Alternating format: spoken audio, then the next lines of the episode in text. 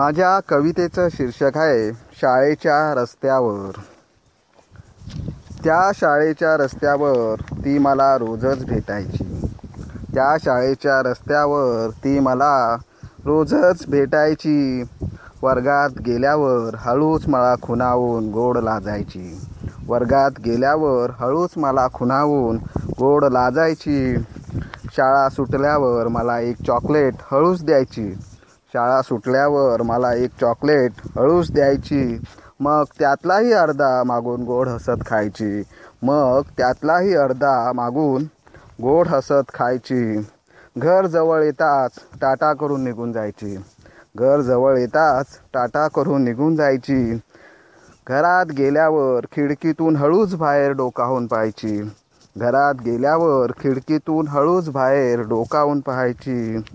संध्याकाळी पुन्हा भेटल्यावर वया माझ्या हातात द्यायची. संध्याकाळी पुन्हा भेटल्यावर वया माझ्या हातात द्यायची.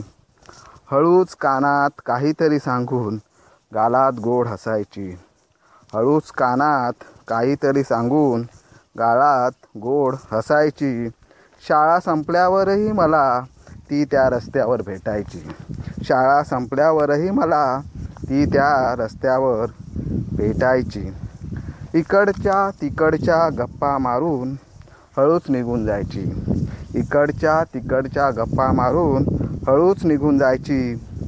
रोजच ती मला काहीतरी गुपित सांगायला यायची.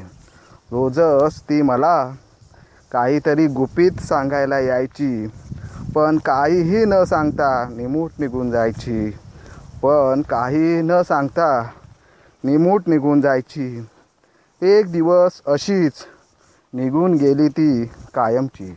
एक दिवस अशीच निघून गेली ती कायमची.